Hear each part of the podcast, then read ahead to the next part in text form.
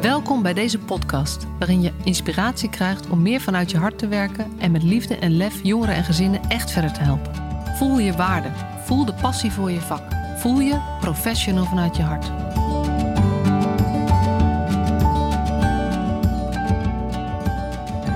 We zitten er weer klaar voor, een nieuwe opname. En eh, we zitten deze keer bij mij aan de keukentafel. Keurig anderhalve meter afstand, ongeveer. Eh, en met de microfoon in ons midden, want het lukte niet om de tweede microfoon aan de praat te krijgen. Dus uh, Katrien heeft mij weer van mijn allerbeste kant gezien uh, in mijn frustratie, zullen we zeggen, dat ik de laptop door het raam wilde gooien. We hebben het opgelost en we zitten hier nu helemaal klaar voor de opname. Vandaag ga ik in gesprek met Katrien Lane. Zij is pedagoog, docent, trainer en doet ontzettend veel verschillende dingen die ik niet ga proberen uit te leggen. Maar wat in ieder geval als rode draad steeds terugkomt, is dat Katrien houdt van ouders. En een voorliefde heeft om het met professionals te praten over ouders. En ook nog steeds om met ouders te praten over de dingen waar ze tegenaan lopen. En uh, ik heb echt super veel zin in dit gesprek. Want uh, uh, Katrien is ook een beetje een stuiterbal die alle kanten op gaat. Dus ik ben ook heel benieuwd waar, waar we naartoe komen. Maar hartelijk welkom. Dankjewel, Basja. Leuk om je te zien. Ja. ja. De eerste vraag, hè. Ben jij een professional vanuit je hart? Ja, dat is die strikvraag, hè? ik dacht, kan je ook vanuit een ander lichaamsdeel professional zijn? Dat gaat er bij mij niet in. Dus ja, ik ben een professional vanuit mijn hart. Ik heb ooit een opleiding gedaan, uh, trainen met hart en ziel. Um, en dat is de basis geweest van mijn bedrijf. Dus ik um, doe niet anders. Ik kan niet anders en ik wil ook niet anders. Mooi, en, uh, ja. Ik voel het in alles dat dit is wat ik moet doen. Ik ben gemaakt voor ouders. Oké. Okay. Nou, dat heeft mijn passie. Ja, ik kan je dat zo vertellen hoe dat zo gekomen is? Dat kan ik. Ik heb um, uh, HBOJ gedaan in Amsterdam. En in mijn vierde jaar had ik een bijbaantje en, um, uh, in de vrouwenopvang. En dat was best wel crisis. En ik zat daar, uh, weet ik nog, met een heel klein babytje in mijn arm in de avondshift om 11 uur s avonds. En ik legde hem in bed en ik dacht, arm kind, jij kan er niks aan doen. Jij bent oké.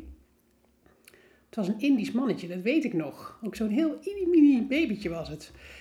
Uh, maar er moet iets met jouw ouders gebeuren. Daar zit de pijn. Daarom ben jij uit huis geplaatst. En jij kan er niks aan doen dat jouw broertje twee jaar in een kast heeft opgesloten gezeten. En dat maakte dat ik dacht, ik ga iets met ouders doen. En eigenlijk heb ik daarna alle pijlen op ouders gericht. Want daar zit de sleutel die kinderen is, zijn oké. En ouders zijn ook oké, die hebben altijd de beste intenties, daar geloof ik heilig in.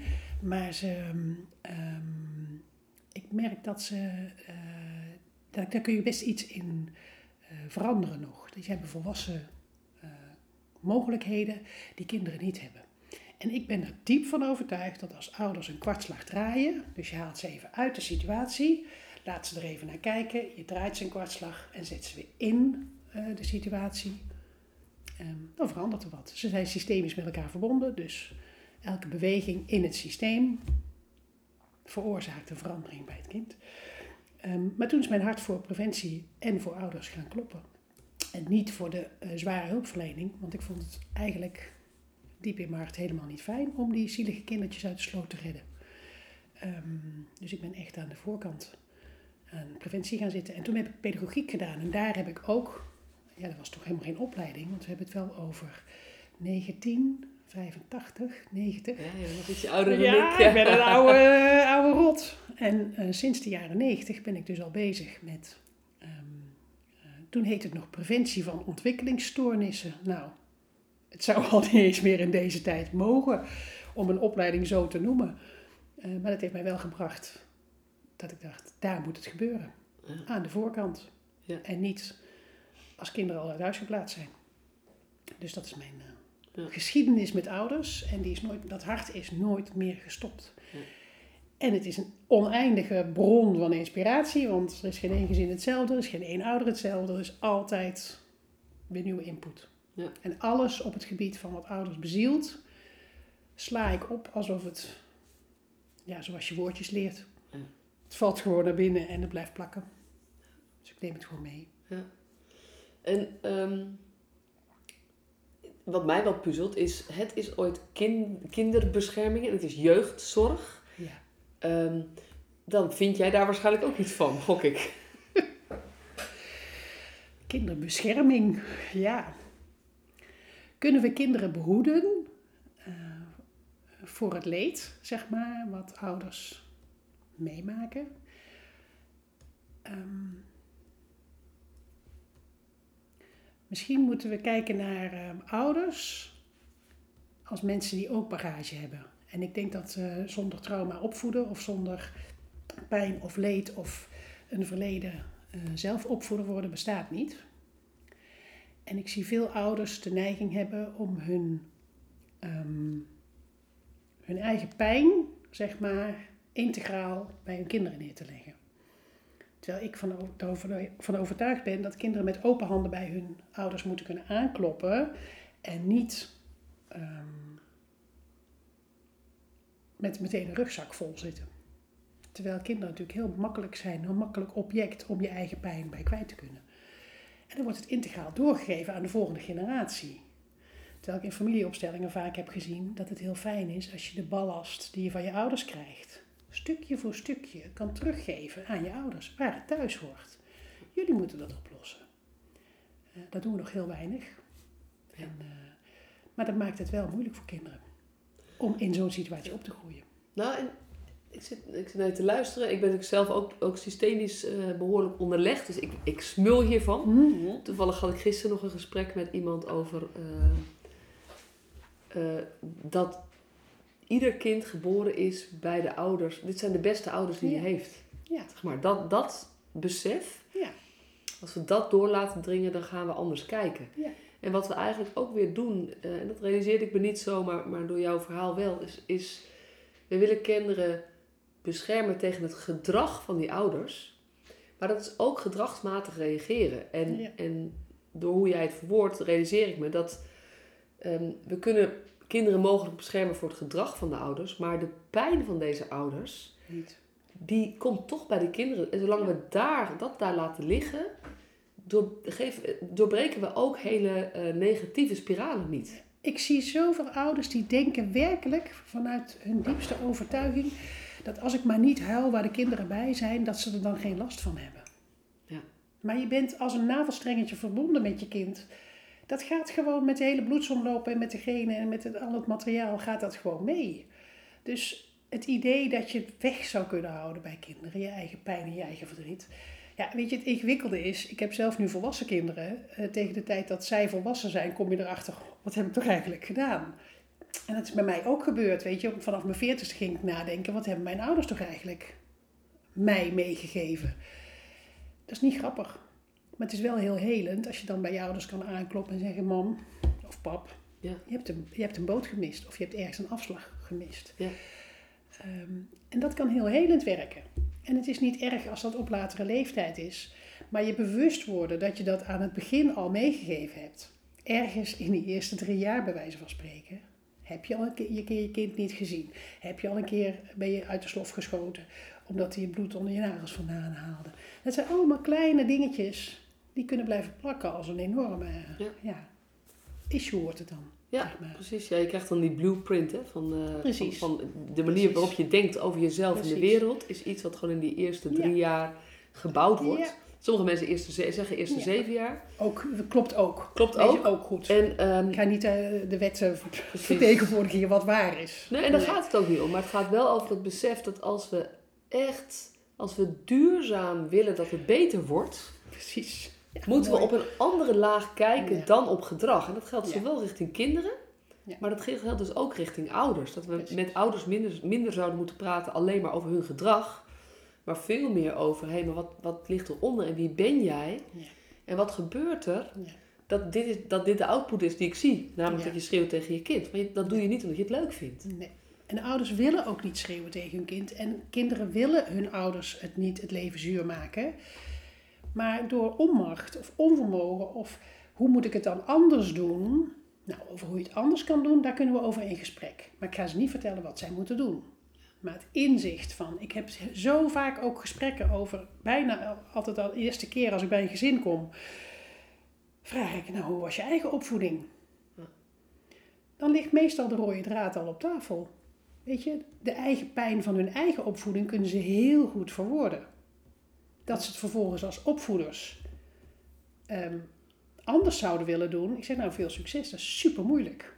Maar daar wil ik je wel bij ondersteunen om een stapje te maken. Ja. Om te kijken of je, ja, het meest praktische voorbeeld is, mijn moeder moest stoppen met werken toen ze ging trouwen. En wij hebben de keuze gehad om te gaan werken als vrouwen.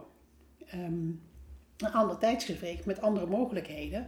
Nou, in dat soort kleine details kun je, kun je gaan denken.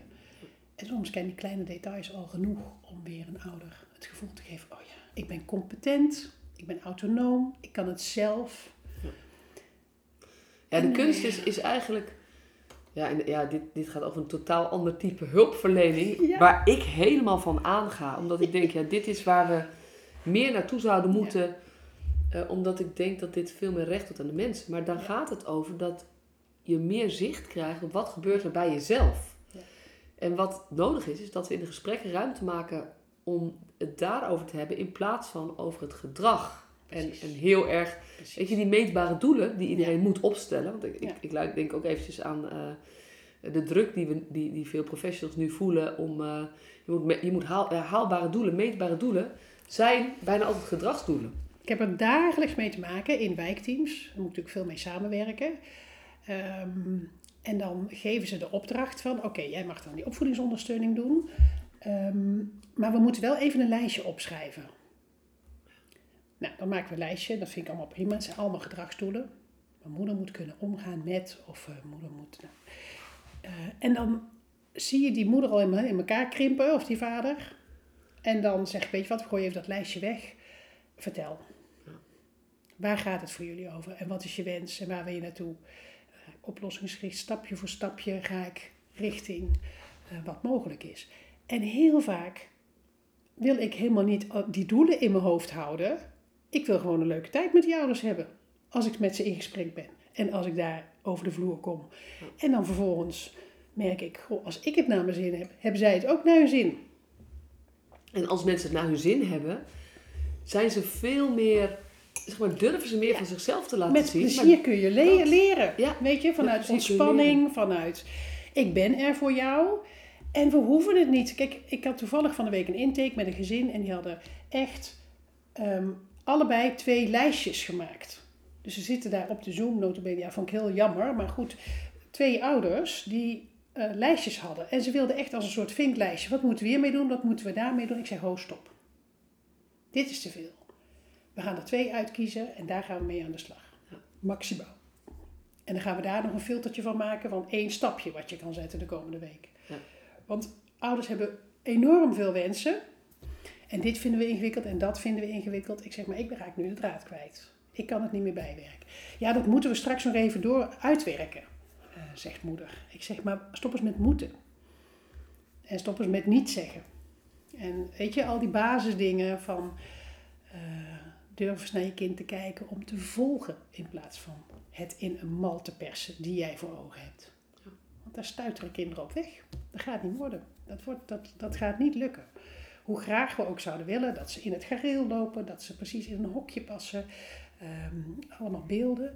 En heel veel ben ik ook bezig met het loslaten van het ideaalplaatje. Want die kinderen die nu geboren worden, dat zijn hele heldere, slimme, intelligente, buitenmo- buitenmatig creatieve geesten worden er in deze periode geboren, in de- zeg maar vanaf 2000. Ehm, die passen niet in de mal, in de oude mal, zeg maar, waarmee wij opgevoed zijn. Ja. Ja. En daar zie je het wringen. Ja. Ja, maar Ja. ik moest altijd luisteren van mijn moeder. Dus dan moet hij dat toch ook? Ik denk, ja, maar dat is niet meer opvoeden, dat is trillen. Dat is gehoorzamen en doen wat jij zegt.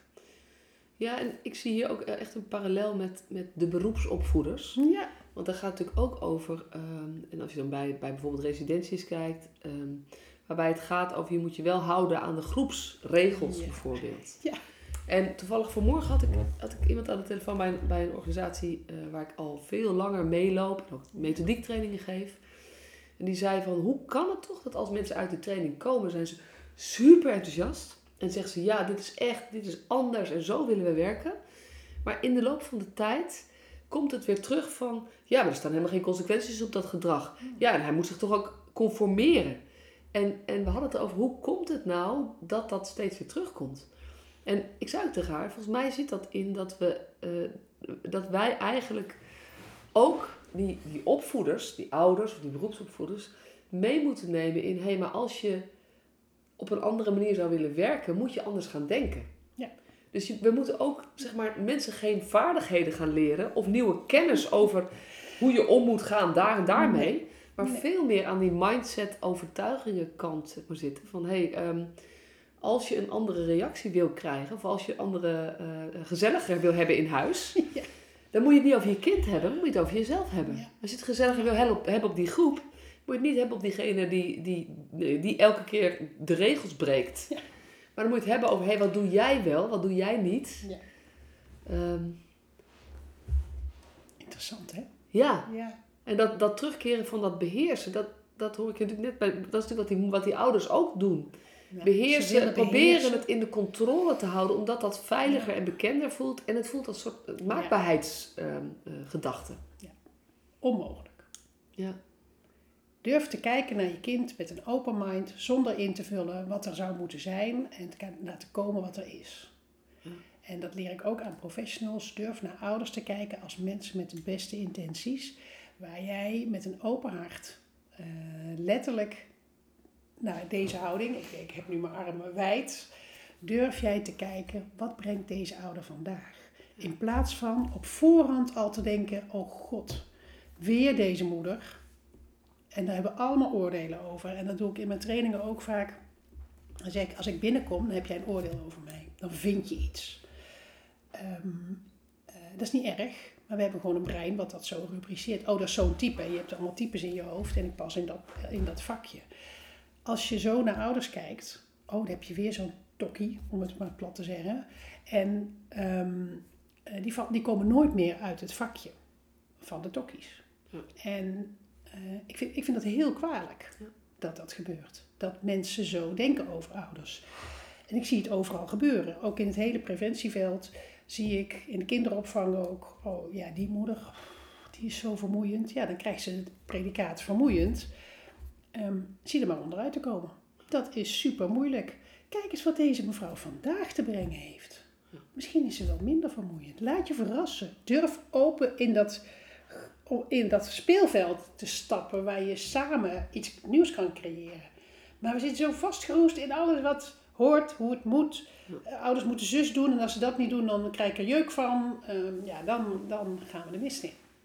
Dus ik herken wel wat je zegt. Na trainingen zijn mensen heel enthousiast. En dit zou ons hele team moeten hebben. En dit zou, eh, nou ja, eh, allerlei... en dan denk ik, ja, er moet gewoon APK's komen. Ja. Dat we één keer in de zoveel tijd weer updaten, casuïstiek bespreken. En wat heb je nou uit de training heb je dan meegenomen en gehaald, waardoor je eh, het, het warm houdt. Ja. Zeg maar. maar de basishouding van open-minded durven kijken zonder in te vullen.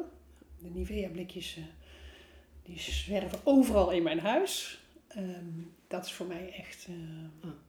de ommekeer ook. En durf te luisteren, ook als het je niet bevalt. Weet je, we zitten zo snel van, oh, dat is vast onveilig. Of, oh, daar is iets aan de hand. Als een moeder een keer vertelt dat ze ook wel eens drinkt. Of, Ja. ja, weet je, hebben we dat niet allemaal eens, dat we uit de bocht vliegen. Leg er niet meteen, eh, of haal niet meteen alle registers open als het even onveilig is. Kijk wat er gebeurt. Ga luisteren, ga luisteren, ga luisteren. ja, en En blijf luisteren. En hè? blijf luisteren, maar ook ehm, als het onveilig is, weet je, ga eerst eens onderzoeken, is het onveilig? Of vind jij het heel erg ongewenst omdat je er zelf anders tegen kijkt? Dus precies, precies. weet je, er zijn situaties die Ja. echt onveilig zijn voor kinderen. En dan, dan denk ik zeker als het kinderen, kinderen onder de vijf, heb je wat dat betreft een extra verantwoordelijkheid als professional. En Zeker. zul je ook eerder aan de veilige kant moeten gaan zitten. Maar als het gaat over oudere kinderen, heeft het heel vaak meer te maken met jouw normen en waarden Precies. dan met feitelijk gevaren voor Ja. En dat, ja, weet je, dat is misschien ook wat ik in de opvoedparty eh, laat gebeuren. Is dat mensen, die, die, ja, die leg ik bijna van tevoren zo op het hart. Wees open-minded. Ook als je denkt, oh met die moeder, die heb ik al zo vaak aan het schoolplein gezien. En die wil ik helemaal niet ontmoeten eigenlijk hier. Ga nou eens luisteren naar deze vrouw. Ja. En daar komen de verhalen naar boven die je op het schoolplein niet hoort. En waar de oordelen heel hoog zijn. En dat gaat over ouders die bijvoorbeeld zeggen... Oh, maar die van jou ziet er altijd zo goed uit met die staartjes in haar haar en altijd mooie jurkjes aan. Je wil niet weten wat het kost om die staartjes erin te krijgen, joh. Ja. Dat hoor je eh, tijdens een opvoedparty. En dan komen mensen... Oh, zit het bij jou zo? Dus jij vindt het ook lastig om het voor elkaar te krijgen. Dus je hebt het ook zwaar in de ochtendspits. En zeker als ouders die perfectionist in hun eh, niet los kunnen laten. Het moet er goed uitzien voor de buitenwereld. Ja. En dat vind ik de leukste ouders, want die nodig ik uit om een kind gewoon een keer in een pyjama naar school te laten gaan. Ik hoorde Om dat ze van... eens te eh, prikkelen, ja. hè? Ja, van, laat ze nou eens een keer niet eh, met die staartjes naar school gaan. Ik hoorde dat... Ik weet niet of je Katinka Bruin, eh, Bruinsma kent. ja, Die, had het- die is ook in de podcast geweest en die vertelde ook over Leidse Rijn, wat een wijk van Utrecht is. En die zegt, ja, daar is gewoon... Het moet zo perfect soms. Dat, en en doorbreken van dat patroon door het gesprek Precies. te openen, dat geeft al zoveel ruimte. Maar dat je het gewoon ook mag, de beweegredenen waarom dit mensen doen. En als de buurvrouw gaat relativeren van, goh, jee, jij maakt er echt veel werk van, kan het niet wat minder? Of tractaties bijvoorbeeld, dat mensen Ja. met plateaus van een halve tafel eh, aankomen zetten met stoomboten en weet ik wat allemaal erop. Om Ja. het maar goed te doen voor de buitenwereld. Voor wie doe je dit? Doe je het voor jezelf? Doe je het voor die kinderen? Voor die kinderen maakt het niet uit. Ze zijn ook blij met een soepstengel met appelstroop. En paar, Niet meer in groep 7. Niet meer in groep 7. Dus in groep 7 of 6 moet je af en toe moet er wel wat leuks komen. Maar ze, weet je, ik, mijn, mijn jongste twee zijn natuurlijk 4 en 6. En, eh, en ik herken dit wel hoor. Dat ik, dat ik dan soms zie wat voor tractaties er meegegeven worden. En dan voel ik me eventjes een slechte moeder. Want ik doe dat dus niet. Nee. Maar dan blijf dat ik- niet doen, hè? Nee, blijf precies. dat niet doen. En wat dat, dat, wat dat betreft blijf ik dan ook wel bij mezelf. Maar ehm, ik voel wel even dat appel op Ja, die- dat- bijna die concurrentie. Van hé, maar ik moet wel net zo leuk die tractatie maken.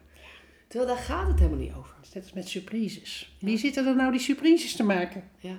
Ja. De ouders of de kinderen? Werkstukken. Wie maakt er werkstukken voor school? De ouders of de kinderen? Ja. Laat Kom je dat- echt tegen? Dat, dat ouders die voor hun kinderen maken? Absoluut. Echt letterlijk dat ze... Ja, maar het moet toch hij moet het toch gewoon ook goed, eh, goed halen, zeg maar. En dan denk ik, ja, je kan erbij blijven zitten en je kan het voor hem doen. Ik zeg maar, ik heb altijd zelf bij mijn eigen kinderen de stelregel gehad. Jij begint en ik kom je helpen als het nodig is. Ja. Maar niet andersom. Nee. Dus ik ga niet op voorhand zeggen, denk aan je werkstuk? We moeten eraan beginnen. Ik eh, zal vast eh, de computer opstarten. Of ik zal vast de plaatjes voor je uit gaan printen. Of ik zal vast... No way. Nee. Dus jij begint, als je dan niet weet hoe de printer werkt, wil ik best Ja. bijstaan. Ja, ik had laatst zelfs een discussie dit is wat er met... gebeurt eh, nu, hè? ja, dus de lat ligt hoog. Ja. Mensen denken, mijn kind moet ook voldoen aan die lat. En die lat wordt niet lager. Omdat we natuurlijk... Kijk, mijn kinderen zijn nog opgegroeid eh, toen ze klein waren... in eh, de tijd dat er gewoon niet zoveel internet was en niet zoveel media. Zo oud ben je al. Jouw Oh, kinderen zijn al al- tweede helft 20, oh, toch? ik ben net 58 geworden. ja, ja, ja, ja. Dus, die zitten echt in een andere fase. Ehm, en die komen wel uit de tijd dat we nog een krat boeken meenamen op vakantie. En dat werd dan drie keer eh, gelezen, bij wijze van spreken. Nou, dat maakt, dat is echt zo'n verschil. Dus ik had geen lat die er lag. Ik had gewoon een vriendenkring in de wijk en eh, daar deed ik het mee. Dat was mijn lat. Mijn zwangerschapsclubje, waar we kinderen in dezelfde leeftijd hadden. Nou, die... eh, En jij woonde ook, ik weet weer, jij woonde, je Ja. woonde in een wijk waarbij zeg maar, de lat niet per se heel hoog lag. Nee, gewoon Gewoon gemengde normaal, wijk, Gemengde wijk, ja. niks aan de hand. En eh, met veel plezier ook eh, geleefd en opgegroeid met die kinderen. Ehm, maar dat was je referentie. En nu is de wereld je referentie. En de plaatjes worden er niet eh, minder fraai om op internet. En daar meten ouders zich aan. En wat kan je nou doen? Want ik vind het natuurlijk wel heel interessant, maar we gaan even naar de professionals Ja, ja, ja, dat hoor ik. Wat betekent dit voor, het, voor het hoe je deze ouders, hoe je het gesprek met deze ouders aan kunt gaan? Of wat, wat je ja, misschien wel zou moeten doen, maar je mag geen moeten zeggen. Maar stiekem vind je wel ja, moeten. Ja, ja, ja. Ehm, als het over die lat gaat, kijk nou eens naar, dit, naar het hart van die ouders. Wat willen zij nou ten diepste? En wees dan niet bang voor het antwoord. Want als we ten diepste gaan vragen wat er met de ander aan de hand is, dan zijn we bang dat hij iets heel ergs gaat zeggen. Of iets heel spannends, wat je eigenlijk zelf niet kan verdragen. En je bent als professie natuurlijk ook gewoon een mens. Ja. Met je normenset en je waardeset en je angsten en je... ehm, ik hoor te veel dat mensen niet het gesprek durven aan te gaan over, nou, ik op maar wat slaan. Want, oh, ja, je weet niet welke beerput er onderuit komt. Ehm, als jij het niet doet, wie doet het dan wel? Ik heb een van mijn eerste opvoedparties, heb ik ook zo'n gesprek gehad. En ehm, daar zaten tien ouders van tien verschillende culturen aan de tafel in Rotterdam-Zuid. Dat was zo bijzonder. En daar vertelde een Antilliaanse vrouw vol trots dat ze ehm, haar kinderen een tik gaf, zoals haar moeder dat ook deed. En het is niet om te vernederen, dat is niet uh, mishandeling, dat is niet uh, om iemand pijn te doen, maar een correctietik. En toen dacht iedereen natuurlijk, oh, oh. Uh, ik heb het anders mee, mee, meegemaakt ook met jonge ouders, waar een peutermoeder zei, ja, je zou je zag gewoon, nou, dit, dat bloed zit onder die nagels. En toen opende ik het gesprek en toen zei ik van, zo'n kind zou je toch een tik willen verkopen? Ja, dat heb ik ook, ook gedaan, zegt ze. Ik zeg, oké, dat, dat, nou ja, poeh, dat was eruit. Zeg, wat goed dat je dit deelt. En toen hebben we vervolgens met al die jonge ouders gekeken, wat kun je doen um, op het moment dat het bloed onder je nagels vandaan komt? Behalve die tik. En slaan is de meest gebruikte opvoedingsmaatregel ter wereld. In heel veel culturen is dat heel gewoon. Alleen wij hebben hier een grens op gezet. En dat is ook heel gezond. En daar ben ik heel blij mee. Um, dus je kan uitleggen wat de wetgeving is. Maar je kan impulsen van mensen, uh, dat wij ook boos in ons hebben, kan je niet onderdrukken. Die willen we wel eruit halen, maar dat gaat niet. Dus ga het gesprek aan. En heb het gewoon met elkaar over. Goh, op zo'n moment hè, dat jij tot op, je, uh, tot op je toppen moet lopen en eigenlijk super gefrustreerd bent en er valt ook nog een glas melk om, wat doe je dan? Als je op ontploffen staat. En ga kijken wat je nog meer kan doen.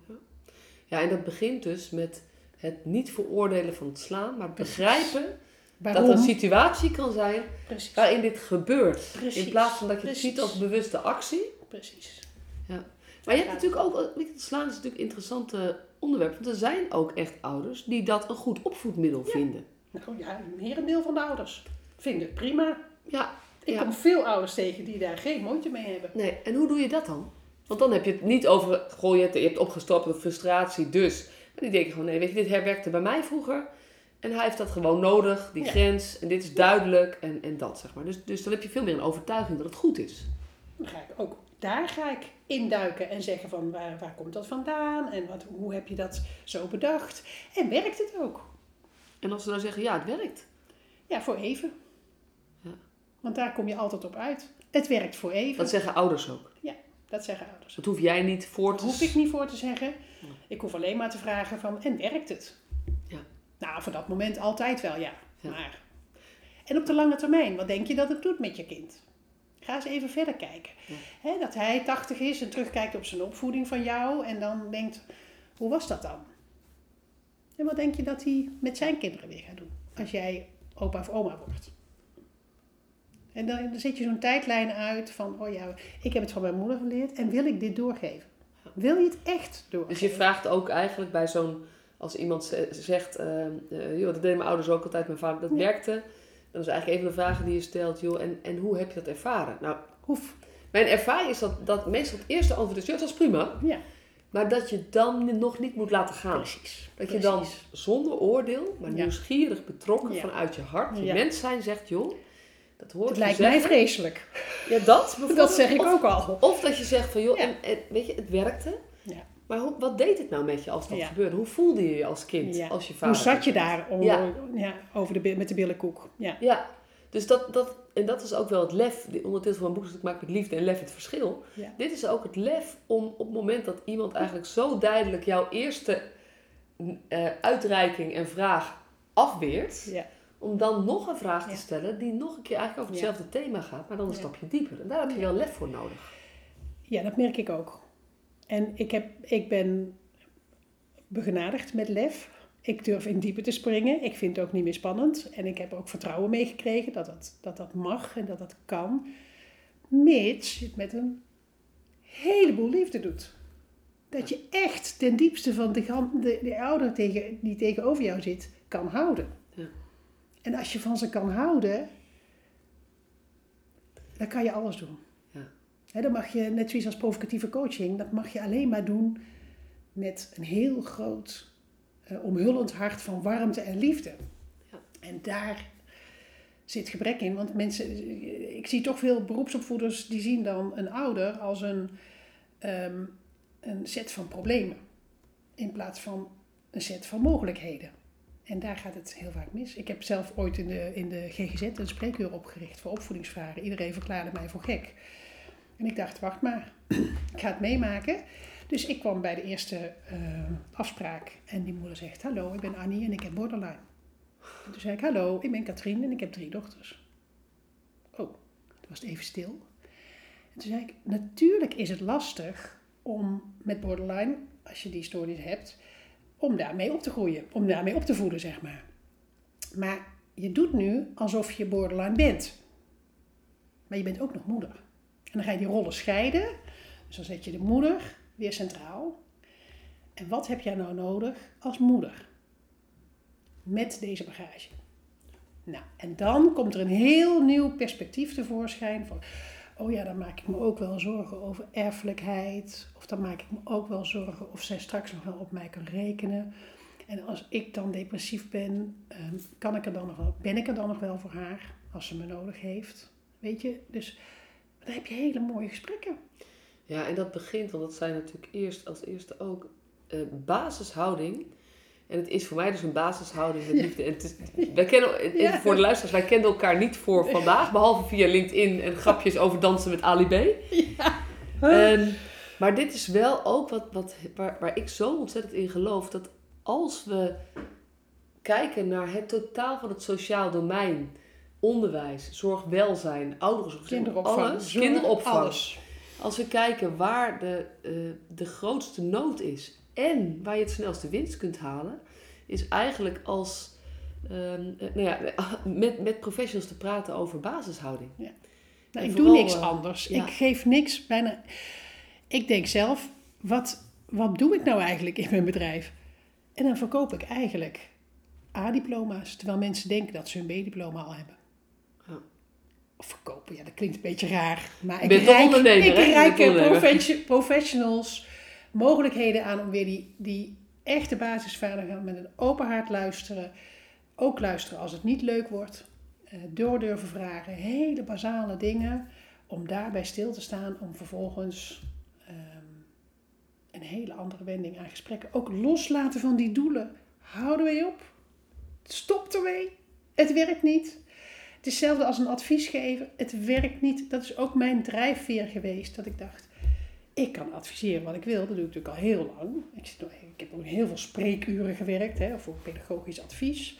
Op allerlei settingen, allerlei plekken. En iedere keer dacht ik, wat zit ik hier nou te doen? Ik zit jou te vertellen wat jij moet doen met je kind. Jij kent jouw kind veel beter dan ik. Jij weet het allerbeste als ouder wat jij moet doen met je kind. En alle informatie, kijk, als mensen gebrek aan informatie hebben, hè, wat is passend bij een tweejarige bijvoorbeeld, wil ik dat met liefde geven. Maar dat vind ik wat anders dan een advies. Want een advies, ja, ik weet niet of je het mondkapjesadvies hebt gehoord in het begin van de coronatijd. Ja, sommigen wel, sommigen niet. Het moet maar net in je straatje passen op dat moment. 9 van de 10 keer past het niet. Dus laat ouders nadenken over wat ze zelf willen en welke stapjes ze kunnen zetten. Dus niet dat jij gaat vertellen wat zij moeten doen, maar dat ze zelf bedenken, oh, dit kan ik ook doen. Ja, nou, en, en wat je doet, weet je, overal staat empowerment en eigen kracht. Ja, Maar we doen het niet. nee, nee. Wat jij nu vertelt, dat is de kern van empowerment en eigen kracht. Dat is eigenlijk mensen weer helpen om te bedenken waar zij van willen Ja. zijn en wat zij belangrijk Precies. vinden. En daar acties aan verbinden wat, die passen bij hen. Zeker. En ieder advies wat je geeft, of iedere sturing die je geeft, of iedere opdracht die je geeft, als die opdracht zeg maar van jou komt in plaats van vanuit hen, is eigenlijk dat je de ander iets kleiner maakt in plaats van hem sterker. Precies, precies. Ik heb het heel vaak met mensen, met gezinnen over. ehm, stel je hebt een glazen pot en je wil er eh, een, eh, een heleboel kiezeltjes in gooien en vijf keien. En die pot moet, dat moet passen. Waar ga je dan voor? Die vijf keien staan voor de grote waarde. Waar wil je dat je kind naartoe groeit? En dan gaat het altijd over sociaal, zelfstandig, eh, een beetje sportief zou fijn zijn, weet je, maar dat hij mee kan, dat hij, dat hij op zijn eigen pootjes kan staan in de toekomst. En waar blijven we aan hangen? 200 miljoen kiezeltjes die door de dag heen gebeuren. Dus, hij heeft weer zijn bord niet leeg gegeten. Precies, hij heeft weer zijn bord. Ja. Draagt dat bij aan een, een kind wat zelfverzekerd door de wereld kan stappen? Ja. Nou, daar heb ik het heel vaak over met ouders. Welke keien leven jullie voor en wil je naartoe? Ja. Nou, en dan, dan komt er ook lucht in, het, in de dagelijkse dag. Dat je niet aan alles hoeft te blijven hangen. En als je ouders dat meegeeft, maar we doen het zo weinig. Ja. Weet je, je, we zijn alleen maar bezig met de ditjes en de datjes van de dag. En daar adviezen op geven. Ik kom nog uit de tijd dat er zo'n Rolodex-ding, zo'n zo'n rollende uh, adresboekje stond. Ik heb letterlijk een keer een jeugdverpleegkundige gezien met ehm, een Rolodex op haar bureau. En die had een alfabetje gemaakt voor slaapproblemen, voor eetproblemen, voor dat je dacht, die ging lekker spieken. Want dan kan ik bij eetproblemen, oh, dan kan ik dat en dat en dat adviseren. Maar het is ook wel lastig, want dat, dat lijkt wel de vraag te zijn van mensen. Ja. Dus uh, ouders komen ook bij een, een hulpverlener of bij een, arts of zo. En die kunnen ook vrij dwingend zijn in vertel mij wat ik moet doen. Jij bent namelijk de deskundige. Jij moet het weten, want ik weet het niet. Als ik het zelf wist, was ik hier niet. Dus vertel mij maar wat ik moet doen. Maar we geven dus antwoord op een vraag die niet helder is. En je kan geen antwoord geven op een vraag die niet verhelderd is. En maar die vraag is hartstikke helder, want een kind eet niet en ik wil dat hij weer gaat eten. Ja, dan gaan we kijken van waarom eet hij dan niet? Wat denk jij? Waar, is dat, heeft dat een geschiedenis? Wanneer is het begonnen? Je gaat het helemaal uitvragen. Ja.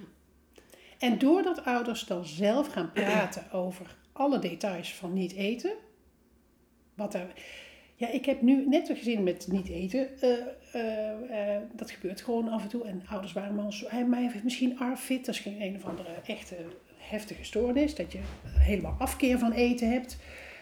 Waren ze ook allemaal op zoek naar gegaan? Kan het niet dit zijn? Kan het niet dat zijn? Um, en waar gaat het uiteindelijk om? Ik heb zelf ook deskundigen geraadpleegd op de achtergrond. Ik zeg, nou, ik ga toch eens even uitzoeken wat dat is. Dus het ARFID-centrum gebeld, bij wijze van spreken. Um, en waar ging het uiteindelijk om? Dat de porties die ze op gaven veel te groot waren. Dus onoverzichtelijk eten, berg eten lag er voor dat ventje. Nou, we hebben die porties naar theelepels teruggebracht. Ehm, ook met iets wat bij hun paste. Dat ze dachten, nou, daar willen we wel, dat kunnen, we, dat, dat kunnen wij wel. Laten we dat eens proberen. Dus waar ze ook het vertrouwen voelden. Precies. Ja. Waardoor dat ventje gaat proberen en ook vertrouwen ervaart. Waardoor ouders... En ik was ondertussen al bezig. We gaan het helemaal niet meer over eten hebben.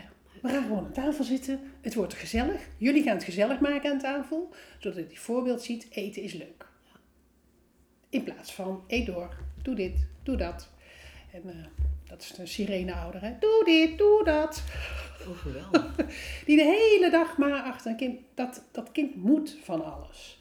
En die hele vrije loop van een kind wat nieuw geboren is en de eigen pad kiest, wordt helemaal nou, de eigenheid verdwijnt. Je krijgt sociaal aangepastheid. Precies. Um, en uh, dat zijn ook kinderen die natuurlijk als puber worden. Ja, dat, die gaan dat, uitbreken. Ja, en het hoeft niet per se. of ze gaan uitbreken, maar je ziet ook dat ze nog kleiner worden. Ja. En dat hun wereld ook kleiner wordt. En het plezier in, ja, ik krijg natuurlijk ook veel studenten over de vloer. Ik werk ook regelmatig voor de hogeschool. En dan, dan hoor ik ook studenten die zeggen: Ja, ik heb zo weinig zelfvertrouwen. Ik zeg, als je zelfvertrouwen nou zou vervangen door plezier, dat kan je meten, of je ergens plezier in hebt. En met plezier, en dat heb ik zelf ook in mijn eigen werk en ook hoe ik in mijn vak sta. Als ik plezier heb met jou in een ruimte, eh, 9 van de 10 keer heb jij dat ook met mij. Als je dat voelt. En met plezier komt het vertrouwen. Dan doe je het graag nog een keer. En dan krijg je vanzelf vertrouwen in de dingen die je doet. En ik ben nu inmiddels zover dat ik alleen nog maar iets ga doen op het moment dat mijn hart een sprongetje maakt. Ja, en dat zei je Dit ook vind ik leuk. In elk gesprek, want je vertelde ook dat je, um, dat je bij kinderartsen bijvoorbeeld training geeft. En dat lijkt mij, weet je, als je als arts, jeugdartsen zeg maar, dan heb je letterlijk 10 minuten. Weet je, hulpverleners hebben nog een uur, maar die hebben 10 minuten. En er, is ook nog, er zijn ook nog medische dingen uh, die moet van alles gecheckt worden, alles. gedaan worden.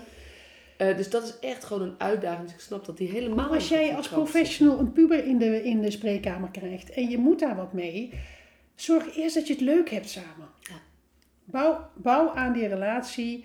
Luister werkelijk naar wat hij zegt, wat hij doet. Ga lichaamstaal inzetten om te connecten. Ehm, doe hetzelfde als die ander. Zorg dat je op hetzelfde niveau komt. Ja. Dat er een match is en van daaruit kan je werken. En soms duurt dat inderdaad van die, van die 10 minuten ben je 9 minuten bezig aan de relatie bouwen. En misschien kan je een stapje zetten. Maar ik heb liever dat je die 10 minuten vol praat, of 20 minuten. Dat hij de volgende keer terugkomt bij jou, omdat er een vertrouwensband is ontstaan. Dan dat je met doelen aan de slag gaat. Ja. En het meest krachtige verhaal wat ik ooit van een hulpverlener heb gehoord, is een, in een behandelsetting. Waarbij ehm, de hulpverlener een meisje van negen kreeg. Wil jij die, eh, dit en dat en dat en dat, eh, mankeert er allemaal aan. Wil jij dat fixen? En dat meisje kwam binnen en die ging zitten. En die deed haar mond niet open. Dus zij zei welkom, fijn dat je er bent. En zij hield zich ook stil. En het duurde. En het duurde. Hoe lang denk je dat het duurde? Ik weet niet hoe lang de sessie is, maar zo lang denk ik. Precies, het Ja. hele uur. Ja. Aan het eind zei ze, fijn dat je gekomen bent, tot de volgende keer. Die heeft een uur haar mond gehouden. Een duurbetaalde orthopedagoog. Moet je voorstellen. Dit is een live verhaal, hè, wat ik echt van een hulpverlener gehoord heb. De keer erop kwam het meisje terug. Ging weer zitten. En was weer stil.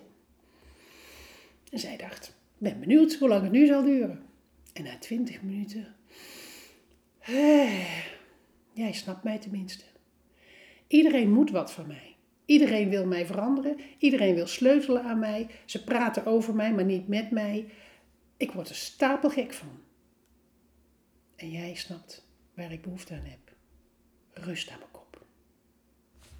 Ja. En dan is het ei gebroken en kun je aan de slag. Ja. Dus soms duurt het een uur en twintig minuten in stilte doorbrengen samen. En zie dan maar eens met je eigen ongemak om te gaan met stiltes. Want stiltes kunnen we ook niet laten vallen in gesprekken. We denken steeds maar dat we moeten praten, dat we het moeten vullen. Nou, ik denk ook dat we een, eh, het, het voelt, hey, wij worden hier betaald om te leveren. Precies. Dus er zit ook een soort van druk. Ja, dat heeft met de bij. jeugdzorg als product te maken. En dat maakt het heel zuur. Maar ook moeilijk. dat, dat hulp, weet je, behandelen is een actief werkwoord. Hulpverlenen ligt er ietsje tussenin. Maar behandelen helemaal is, weet je, de behandelaar is ook degene die aan het werk is. Ja. Dus ik, ik speel ook Ja, met dat, dat gaat al mis. Daar In gaat de al mis. woordkeuze. Ja, ja, ja. Dus, dus dat, dat zouden we eigenlijk los moeten laten. Want het gaat uiteindelijk... Ik ben voor. Laten we dat loslaten. Ja, dus het gaat veel meer over... eh, wil jij het proces van de ander Versnellen. versnellen, zeg maar laten zijn, zeg maar ja, versnellen. Je, je kan interventies doen die mogelijk helpen. ja, Maar- tuurlijk. Weet je, onze invloed van buitenaf is beperkt. Ja. Behalve dat, het, dat we dingen kunnen afdwingen, maar dan is het korte termijn effect. Het begint met kijken waar die ander staat Ja. en waar die, welk stapje die kan zetten. Ja. En niet naar wat ik voor jou ga bedenken, welk stapje jij gaat zetten. Dus eigenlijk is de vraag, wat kan ik voor jou betekenen? Precies. Is veel te direct al als je hem stelt in de eerste minuut. Precies. Want eigenlijk zou de vraag iets van kunnen zijn van... Hé hey joh, weet je, hoe zit je er vandaag bij? Ja, maar ik, ik vraag het wel. Eh, ik moet je zeggen, eh, als ik ouders ontmoet voor de eerste keer, zeg ik, nou, wat kan ik voor jullie doen? Ja. Brand maar los. Ja. Ik ben al heel blij als iemand kan vertellen, eh, iets positiefs vertelt Ja. over zijn kind. Want de meeste ouders barsten los met dit deugt niet, dat is niet goed, zus is niet... zo- nou, En denk ik, oh, oh, een hele rij. Maar ik, hoor, ik schrijf het wel een paar steekwoorden op ondertussen. En dan zeg ik, oké, ik heb nu zeven woorden op mijn lijstje staan, die bij mij zijn blijven plakken. Wat is de meest in het oog springende of het meest ja, makkelijke of moeilijkste voor jullie? Zeg het maar. Nou, dan gaan we één dingetje uitkiezen. Ja. Ik zie het als een kapstok altijd, die hangt vol met rugzakjes, met van alles en nog wat, wat er allemaal niet klopt. En dan gaan we één rugzakje openmaken en daar ga ik op inzoomen. Ja. De grap is, en ik vraag altijd aan ouders, ze roepen dan, ja hij luistert nooit. Vertel, geef een voorbeeld, geef een voorbeeld, geef een voorbeeld. Dus vraag naar voorbeelden. Heel gedetailleerd. Want daar zit de rode draad. Want ik wil een rode draad terugzien. En de grap is dat je vaak die rode draad van het valkuil waar ze steeds instappen, zie je ook in de spreekkamer gebeuren. Dus eh, een, een moeder die maar blijft beweren dat eh het kind verlegen is en een partner die er helemaal teruggetrokken, overroeld door die vrouw eh, bij zit, ehm, dan denk ik, nou, ik eh, herken wel iets wat ik eh, hoor. Ja. Ik zie hier namelijk iets voor me zitten. Ja. Heb je alles gedacht aan misschien zelf ehm, een stapje terug doen, zodat er ruimte ontstaat. Ja. En er is maar beperkte ruimte in de eten. En als jij aan het werk bent, dan moet de ander achterover buigen. En als jij wat ruimte kan geven, dan kan de ander komen. Maar dit is dus ook een parallel proces. Want dit is wat je naar ouders vertelt, moet je richting je kind. Ja, Dit moet je als professional. Richting precies, ouders. precies. Als jij dat vindt- doe jij ook als professional. Als jij aan het werk gaat, gaat de ander vanzelf achterover liggen en denken, dat is een leuke one-man show. Ja.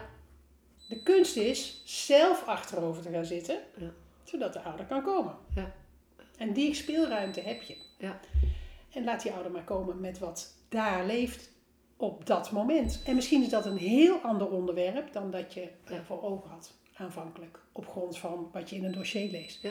Ja, ik lees bijvoorbeeld nooit dossiers. Ja. Ik ga daar gewoon zitten en denk ik, nou, Ja. wat is er vandaag gespeeld? Je werkt met dingen van het hier en nu. Alleen Omdat, en en dat, dat herken ik ook wel, dat doe ik ook het liefst bijvoorbeeld in trainingen. Dat, Ja. dat het programma, weet je, de onderwerpen staan duidelijk. En, en wat ik over moet brengen, wil brengen, Ja. dat heb ik ook wel duidelijk. Maar dat doe ik het liefst aan de hand van dingen die in het hier en nu Ja. gebeuren. wat gebeurt er nu? Ja. En in het hier en nu, ook als je met een acteur werkt, vind ik zelf ook heel fijn, dan gebeuren de dingen Ja. die ook in het echte leven gebeuren. En ehm, dat zie ik ook bij ouders terug. Dat wat ze in, de, in, in mijn spreekkamer, die heb ik helemaal niet, maar goed, wat, wat ik in de huiskamer zie gebeuren, zie ik ook bij de kinderen. Ja. Eh, dus het, is een, eh, het gaat de hele tijd door. Hey, en ehm, de trigger om je uit te nodigen was Ja. de, de, de omgaan met lastige ouders. De Ja. training omgaan met lastige ouders. Kan je daar iets over zeggen? Wat, wat is daarvan... Weet je, je hebt al heel veel verteld natuurlijk, Ja. indirect. Maar laat ik die er even uitlichten. Ehm, die lastige ouders. Wat kunnen we daarmee? Wat moeten we daarmee? Nou, We moeten er niks mee, we kunnen er van alles mee. Ehm, ik heb de training eh, ehm, De opvoeding draait door eh, omgedoopt. Hij eet de eerst. Hoe heette die eerst? Nou ja, weet je, het gaat over omgaan met lastig, gemakkelijk omgaan met lastig gedrag. Want het zijn geen lastige ouders, het, zijn last, het is lastig gedrag waar jij op aangaat. En het heeft helemaal geen ene fluit te maken met die ouders, maar wat jou, bij jou geraakt wordt.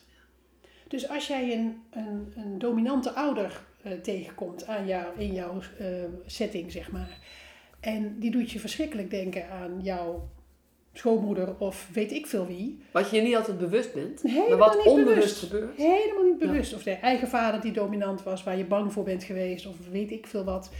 Ehm, dat gaat allemaal onbewust, maar daar is het om te doen. Ja. Wat gebeurt er in jou en wat voor een hulpverlener wil jij zijn? Ja. Dus eind van die training zit iedereen, krijg ik, vraag ik altijd van nou, wat ga je nu nooit meer doen na vandaag? En dan gaat het allemaal loslaten, niet meer zoveel moeten, doelen niet meer stellen, eh, zonder dossier in het nu stappen. Eh, weet je, maak die ruimte ook voor jezelf. Het werkt gewoon veel fijner. Ja. Je hoeft het niet te onthouden. Ouders weten alles wat ze willen vertellen. Echt. Daar hoef je niks voor op te schrijven. Jij hoeft niet hard je best te doen om die niet informatie boven te krijgen. Het gaat eigenlijk om ze luie, luie coaches te maken. Precies. En ruimte te geven daarmee aan echt het verhaal van de ander. En dan ook echt durven luisteren. Ja, Zolang we aan het werk zijn, kunnen we niet luisteren. We hebben een brein wat maar serieel heel snel dingen achter elkaar kan doen, maar niet tegelijkertijd. Ook al denken dat we kunnen multitasken. Ook het feit dat hulpverleners nog steeds zitten te typen terwijl ze in gesprek zijn. Het kan niet. Je kan typen of je kan in gesprek zijn en je kan luisteren, maar je kan het niet allebei tegelijk doen. Dus ik hou altijd wel een blaadje papier bij me, dan kan ik af en toe een steekwoord opschrijven. Omdat ik denk, oh die Wat ik nu eigenlijk ook doe. Precies, Ja. jij zit ook steekwoorden op te schrijven, dan kan je daarop terugkomen. Je Ja. hoort haakjes waar je denkt, oh daar wil ik wel even stil bij staan met jou. En dan gebeurt er iets nieuws. Ja. Ehm, maar ga niet... En als je echt luistert, dan kan je daarna namelijk een samenvatting schrijven van een halve alinea. Nog niet eens. Ja. Maar als je niet echt luistert, dan moet je, zit je alles mee te kalken. Nou, en dan heb je de rode draad is veel moeilijker eruit te halen Veel als je de details opschrijft. Precies. En wat ik, er staat in mijn, boek als tip, maar, maar ik denk dat dat zouden we gewoon standaard moeten doen. Waarom maak jij de samenvatting? Waarom doe je dat niet gewoon samen met het gezin of de ouders of de jongeren aan het Als eind van je ouders het kunnen, laat ik ze ook zelf eh, aan het eind. eh, wat hebben jullie? hè, Ik zeg, schrijf maar mee. Ja. Wat jullie belangrijk vinden. Wat heb jij nou opgeschreven? Nou, dat kan ik wel meeschrijven. Nou, precies. En, dan, en, en als je dat dan slim doet, dan de laatste 10 minuten reserveer je daar gewoon voor. Precies. Heb jij geen werk meer te doen als je weggaat? Precies, het, het, is, het precies. is al klaar. En het hoeft niet Het is voor ook tegelijkertijd. fijn. Dan hebben ze even een overview en dan, je hebt best wel veel behandeld. Ja. En ehm, Of je komt erachter dat jullie elkaar helemaal niet goed begrepen hebben. dat kan ook. Maar dan ga je wel... Dan weet je ook Dan weet je dat met elkaar. En dat is zo... Ook, dat doet zoveel recht ook aan, aan wat En er het, speelt. het, ook het niet invullen voor een ander geldt ook voor woorden die we niet begrijpen. Weet je, als je zegt, ja, mijn kind is zo stout. Wat is stout dan in hemelsnaam? Ja. Weet je, vraag ernaar. Wat Ja. noemen zij stout? Want dat is iets heel anders dan bij jou. Ja. Weet je, elk, elk, we, we werken in containerbegrippen. We zeggen tegen kinderen, doe eens normaal. Dan zeg ik nou tegen ouders, oké, dat ik, ik hoor het je zeggen tegen je kind. Mag jij nu even 20 seconden normaal doen? Begin maar. ja, leuk. Hoe dan?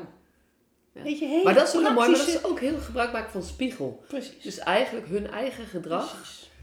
Eigenlijk spiegelen Precies. dat jij doet wat, wat zij doen. Waardoor ze ook voelen, oh eigenlijk is dit Eigenlijk ook vraag ik iets onduidelijk. onmogelijks Ja. van mijn kind. Ja, Dus het begint met communiceren.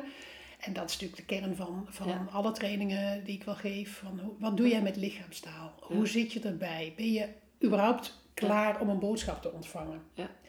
Je zegt dat je je kind hoort, maar ondertussen zit je toch op je telefoon. Het kan allemaal niet. Weet je, dat werkt niet. Welk voorbeeld wil je zijn? Er zijn allemaal... ehm, ja, ik vind het zelf ook heel leuk om over deugden te praten. Hè, Ja. van, leer je kind ehm eh, dankjewel zeggen als hij een worstje krijgt bij de slager. Of leer je je kind om beleefd te zijn.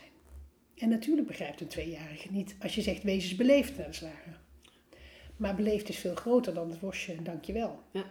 Dus, ehm, eh, want als hij dan bij een andere winkel staat en hij krijgt iets, weet hij niet wat hij moet doen. Nee, precies, leer je hem gedrag aan. Precies. En, en ik heb op groep heb ik hier heel vaak over, wil je dat, dat de kinderen hier leren zich aan jullie regels te houden? Precies, Of wil je dat ze leren rekening te houden met andere mensen? precies.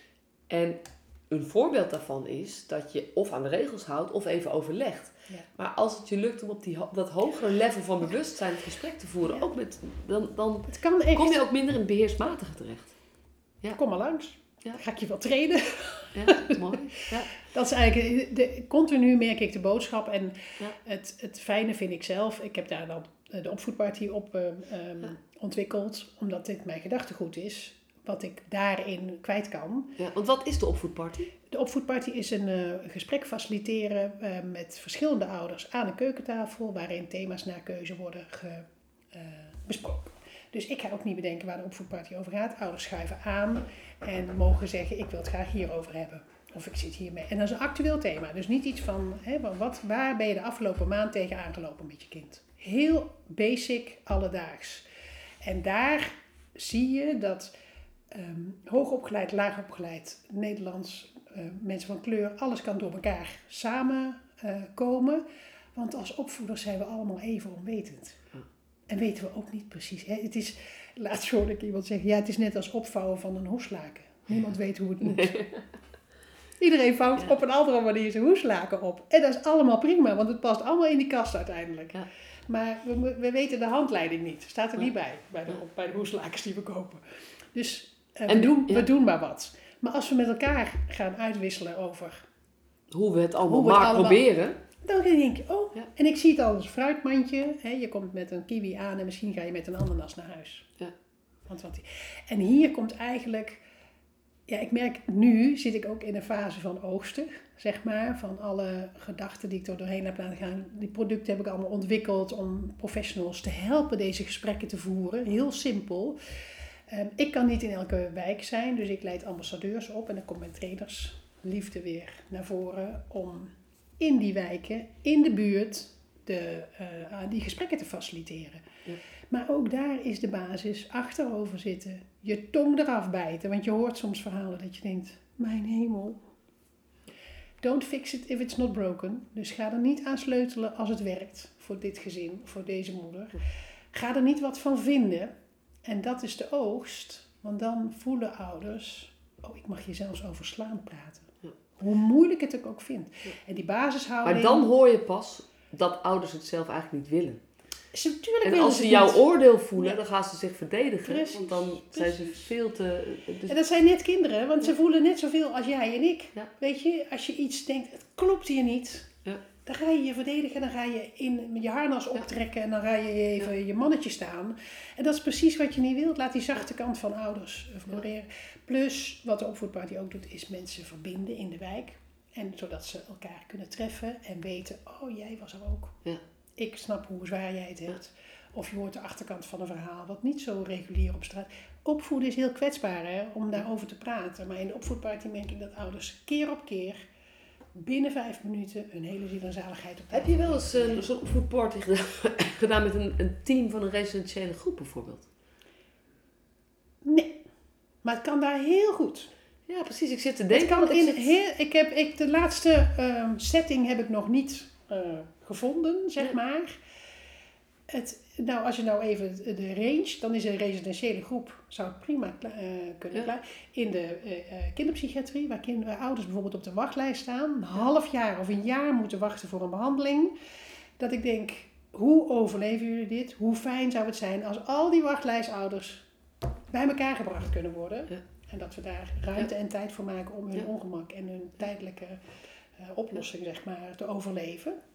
Ja, en ik zit nu door te denken, want het zou leuk zijn als team, maar het zou, hoe tof zou het zijn als je, bij wijze van spreken, uh, twee mensen van het team met een paar ouders van de kinderen die daar zijn, samen met elkaar laat sparren over, hey, hoe doe je dit eigenlijk? Ja. Hoe vind je Want het nou deze dat je kind in deze setting zit? Ja, maar los daarvan. Ja. Ook beroepsopvoeders weten niet altijd wat ze moeten doen. Dus, dus daarin zijn we ik meer zie het gelijk. echt van de, van de kinderopvang tot en met ja. uh, de uh, gevangeniswezen. Daar ben ik wel mee bezig geweest. Dat was ook super interessant.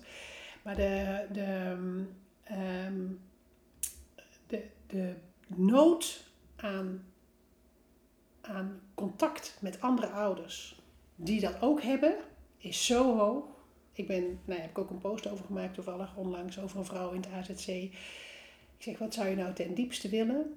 Praten met mensen die dit ook hebben meegemaakt. Die ook gevlucht zijn. Die ook, ja. weet je, ja. het gaat over het gevoel van, oh, ik ben niet de enige. En ja. ga met elkaar gewoon kijken hoe je praktische dingen kan oplossen. Dus het gaat over hele alledaagse dingen in het leven wat ingewikkeld is geworden. He, dus door de corona, ik heb nu de online opvoedparty in het leven geroepen. Nou, als er een lockdown is, dan bloeit die op. Ja. Als het weer wat minder wordt, die lockdown, dan gaan mensen weer sociaal interacteren, hebben ze er minder behoefte aan. En dan komt er weer een lockdown aan en dan zie je het weer groeien. Ja. He, dus die, die behoefte aan, we hebben natuurlijk altijd behoefte aan verbonden zijn. Ja. Gezien worden. Soms vraag ik aan ouders, en ben je nou, kun je nou weer verder?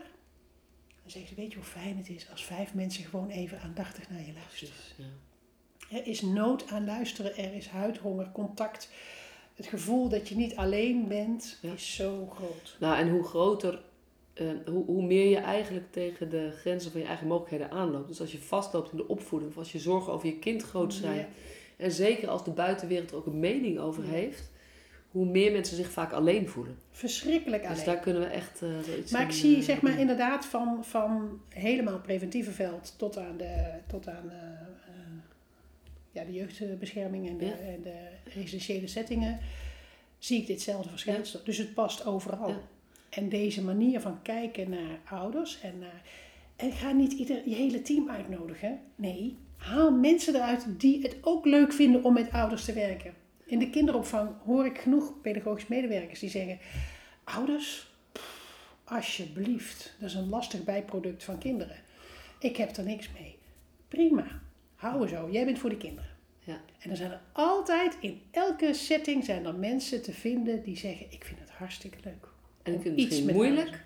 Ik, vind ik wilde, ik wilde me daarin ontwikkelen. Ja. Precies, ja. Nou, dan moet je langskomen. Ja. Dan help ik je met liefde op weg.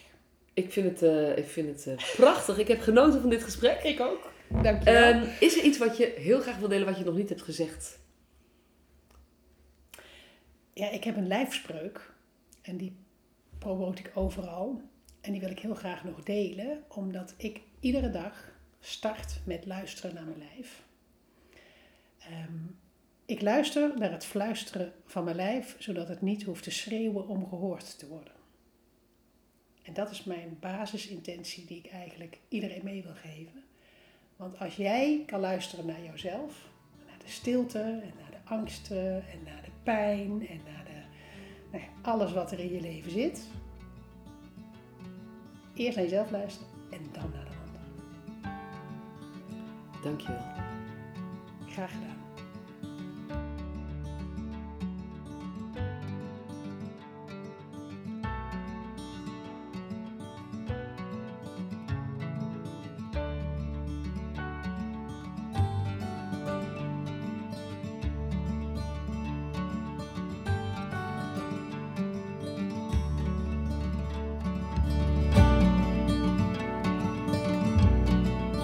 Superleuk dat je weer luisterde naar deze podcast. Dankjewel. Nog even kort een paar belangrijke dingen. Ten eerste, het is mijn missie dat de jeugdhulp weer een sector wordt waarin bevlogen, liefdevolle professionals jongeren en gezinnen echt verder helpen. Daarom maak ik deze podcast voor jou. Wil jij deel uitmaken van deze beweging van Professional vanuit je hart, waarin professionals elkaar steeds opnieuw inspireren? Begin dan met het lezen van mijn boek. Je kunt de eerste hoofdstukken helemaal gratis lezen. Ga naar professionalvanuitjehart.nl slash boek. Ten tweede, wil je alle podcastafleveringen overzichtelijk onder elkaar? Abonneer je dan op deze podcast. Klik in je podcast-app op de button subscribe of abonneren. En elke keer als er een nieuwe podcastaflevering gepubliceerd wordt, ontvang je automatisch een berichtje. Ten derde, ondersteun je mijn missie? Geef me dan een review via je podcast-app, bijvoorbeeld iTunes of Spotify. Op die manier kan ik nog meer professionals bereiken. En ken je een collega voor wie deze podcast ook interessant is? Dan zou het super zijn als je hem of haar de podcastaflevering doorstuurt. Bijvoorbeeld door de link te kopiëren via Spotify.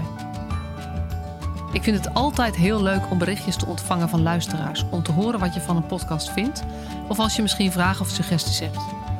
Of als een aflevering je een bepaald inzicht heeft gegeven of er iets in beweging is gekomen. Stuur me dan even een berichtje op masha.professionalvanuitjehart.nl via de website of stuur me een connectieverzoek op LinkedIn.